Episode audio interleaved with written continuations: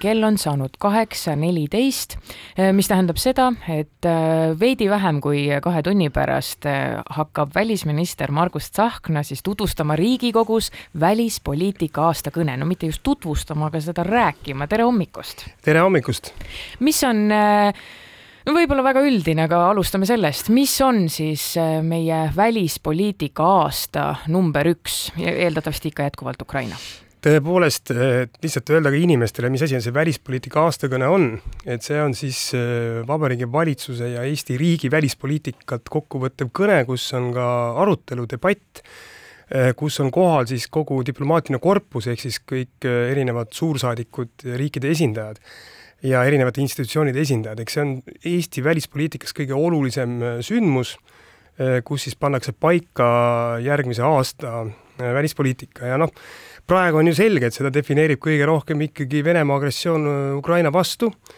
ja terve suur plaan, mis on Eesti riigil ka välja pakutud oma rahvusvahelistele partneritele, ehk siis kuidasmoodi see äh, agressioon siis lõpetada Ukraina võiduga. ja, ja oluline ongi võib-olla see, et kui, kui mõelda, et noh, kõik need on sellised elementaarsed jutud, et et, et süüdlane peab karistada saama, Ukraina peab võitma, territoriaalne terviklikkus, peame aitama Ukrainat rahaliselt ja sõjaliselt ja, ja tundub hästi tavaline, aga tegelikult see ei ole nii tavaline. ja mis on nagu Eesti plaan, ongi see, et, et et me, Putin peab aru saama, et tema tegelikult jookseb ajast tühjaks, mitte meie see on see, mida tema tegelikult täna arvab, et lääneriigid ei saa hakkama, demokraatiad on nõrgad aga me peame ütlema, et demokraatiad on tugevad ja, ja hindame oma aega ka paremini. me ei saa liiga palju arutada. aga nagu näha on, siis Euroopa on suutnud päris suuri otsuseid langetada, viiskümmend miljardit eurot pikaajalist abi pluss siis sõjaline abi. Ameerika Ühendriikidel on täna tõsised probleemid selle otsuse langetamisega, aga seda enam peame me pingutama Äh, välisminister, te rääkisite sellest, et, et eks me kõik peame aru saama sellest, et no Putin ei tohi võita, talle ei tohi mitte millestki järele anda. Te peate äh, välispoliitika aastakõne Riigikogu ees, ma küsin sedapidi, et kas meie Riigikogu saab ühtselt sellest kõigest aru, mis see tunnetus on? no tunnetus on, et ikkagi Eesti välispoliitikas on väga suurel alusel selline konsensuspoliitika arusaamine ja kaitsepoliitikas samamoodi et võib-olla mõnel inimesel rõhuasetused teistsugused ja võib-olla küsitakse mõningaid küsimusi teravamalt, aga ma ei tea täna nii-öelda ühtegi Riigikogu liiget, kes ei oleks Eesti eest väljas, kui vaja on. ja seda peab tunnustama tõesti, et ma ei tea, õnneks on Eestis niimoodi läinud, kõik riigid ka Euroopas ei ole päris sellised nii et äh, pigem on see jah, sisuline arutelu ja, ja, ja tegelikult me peamegi aru saama, et me oleme kahekümne neljandal veebruaril tähistamas äh, juba siis kahte aastat äh, Venemaa agressiooni algusest, ehk siis selle aktiivse faasi algusest. ja, ja minu sõnum on eelkõige see, et me ei tohi kuidagi väsida ja me ei tohi nagu ajast, me ei tohi aega kuritarvitada, et me oleme liiga palju võib-olla pidanud dialoog arutanud, ma saan aru, kui kakskümmend seitse Euroopa Liidu liikmesriiki arutavad, siis see on vajalik arutelu. aga tegelikult noh, me oleme nii palju võimsamad Venemaalt tegelikult, kui me vaatame Ameerika Ühendriigid, Euroopa Liit, Suurbritannia,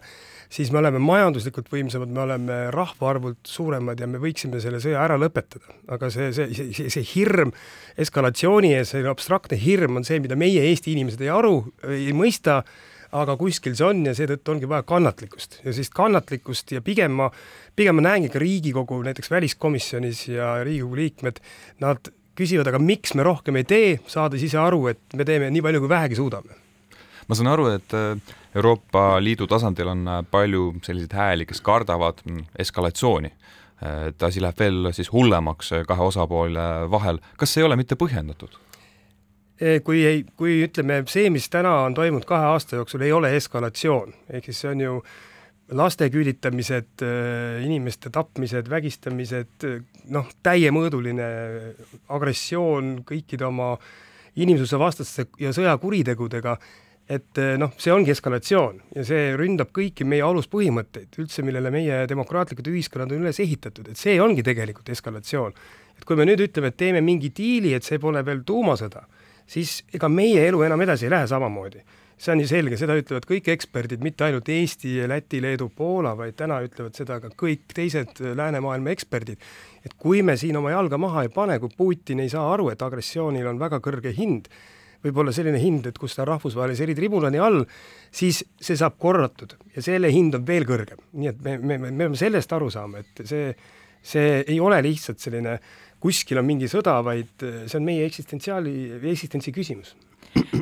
kuna te peate kõne Riigikogu ees ja seal on ka vaba mikrofon ja te kindlasti, ma võiksin mürki võtta, et saate küsimusi ka sel teemal, et äh, Donald Trump on siin viimastel päevadel ju teinud päris usinaid sõnavõtte, mis on kogu Euroopa vaata et tagajalule ajanud, et äh,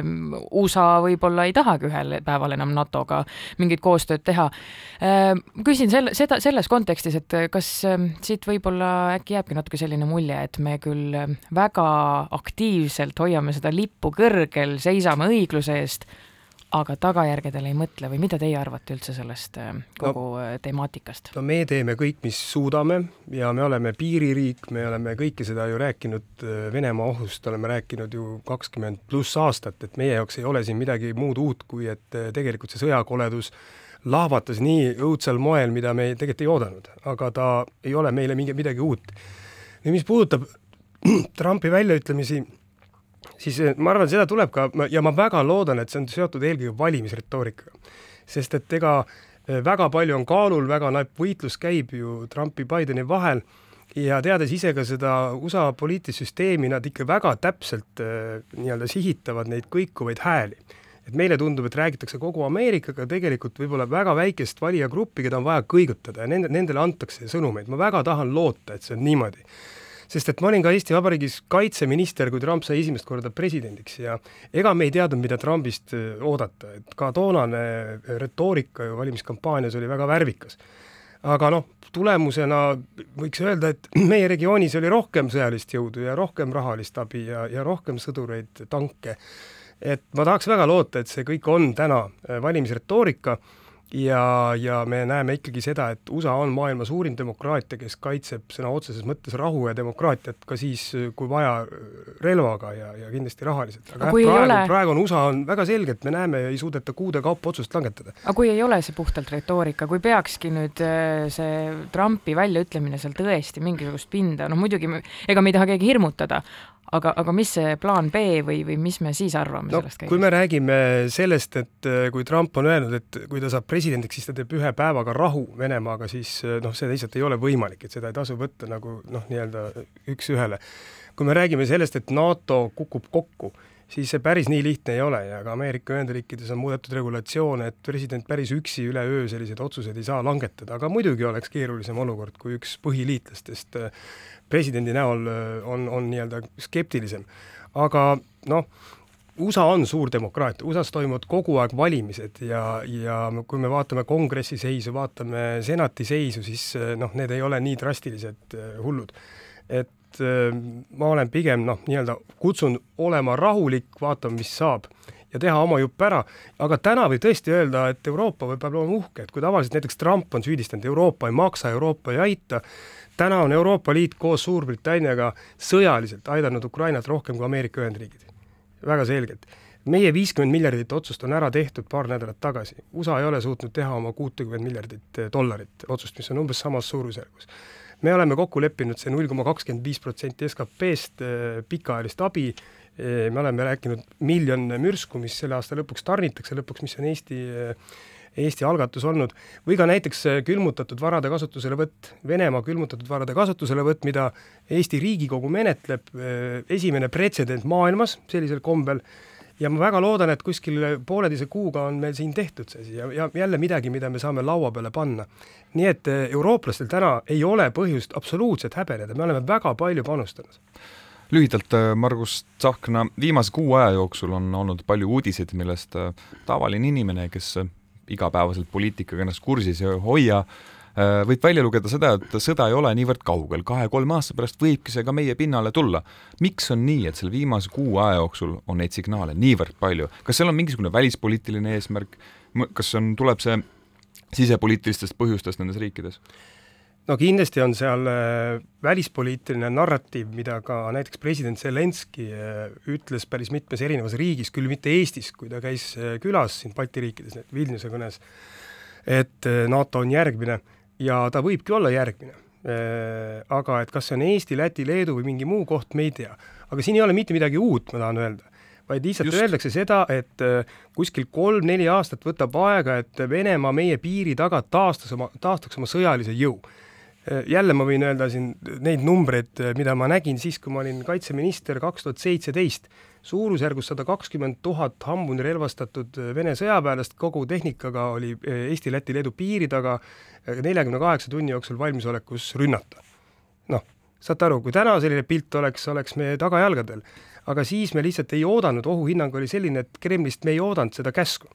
mis on muutunud, on see, et Putin on oma sõjamasina käima saanud ei ole väga lihtne seda sõjamasinat äh, käivitada, äh, tema inimesed, äh, muidugi mingit demokraatiat seal ei ole, ei julge keegi enam midagi kobiseda, konservitehased vormivad miine, ehk siis see on see ohukoht, et noh, mis ütlevad analüüsid, et et Putin, noh, tema legacy nii-öelda, tema, tema pärand ongi sõda, ta ei saa sealt enam välja. et kui ta tuleb sealt välja ära, siis ta ei ole ka enam president. see on see muutuv faktor. nii et mina võtaks kõiki neid Eh, jah, kõiki neid ohuallikaid või neid, neid jutte nagu rahulikumad, sest täna meie piiri taga neid vägesid ei ole, mis kunagi olid välisminister Margus Tsahkna, suur tänu, et olite valmis meiega täna hommikul arutlema ja kell kümme kuulame siis huviga teie välispoliitika aastakõne Riigikogus, aitäh teile! aitäh teile!